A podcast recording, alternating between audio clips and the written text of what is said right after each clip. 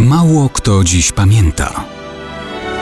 Datownik historyczny prezentuje Maciej Korkuć.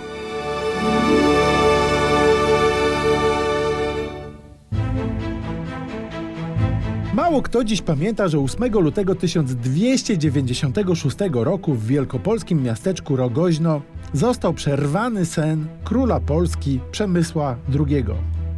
Przemysł był pierwszym królem Polski od ponad 200 lat. Ostatnim wcześniej koronowanym naszym władcą był Bolesław Śmiały. Potem w Polsce rządzili książęta. Bolesław Krzywousty też był jedynie księciem, podobnie jak jego synowie, wnuki i prawnuki w dobie rozbicia dzielnicowego. Dopiero Przemysł, wspierany przez arcybiskupa Gnieźnieńskiego, dostąpił zaszczytu włożenia polskiej korony na skronie.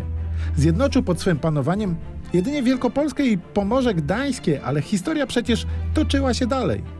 Kiedy w Rogoźnie Przemysł świętował koniec karnawału w roku 1296, królem był nieco dłużej niż pół roku. We wtorek po solidnej uczcie udał się do komnat na nocny spoczynek. Wraz z wybiciem północy zaczynała się środa popielcowa. Przemysł miał wziąć udział we mszy świętej połączonej z posypywaniem głowy popiołem i przypominaniem ulotności ludzkiego żywota. Nie spodziewał się, że los mu wcześniej o tym zakomunikuje. Jest noc z 7 na 8 lutego 1296. Nikt nie widzi obcych wkradających się o świcie do królewskiej komnaty.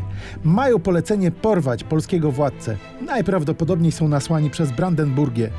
Wybudzony z głębokiego snu król dostrzega intruzów. Błyskawicznie wyskakuje z łoża, chwyta za miecz. Walczy dzielnie, ale napastników jest wielu, a on jeden. Zostaje ciężko ranny i dopiero wtedy go krępują i wywożą z dworu. Czyżby porwanie się udało? Nic z tego. Przemysł obficie broczy krwią i umiera wkrótce potem. Zbiry porzucają więc ciało przy drodze. Kiedy wstaje słońce, król Polski jest już martwy. I tak oto w Rogoźnie spokojny sen Przemysła II został przerwany. Na zawsze.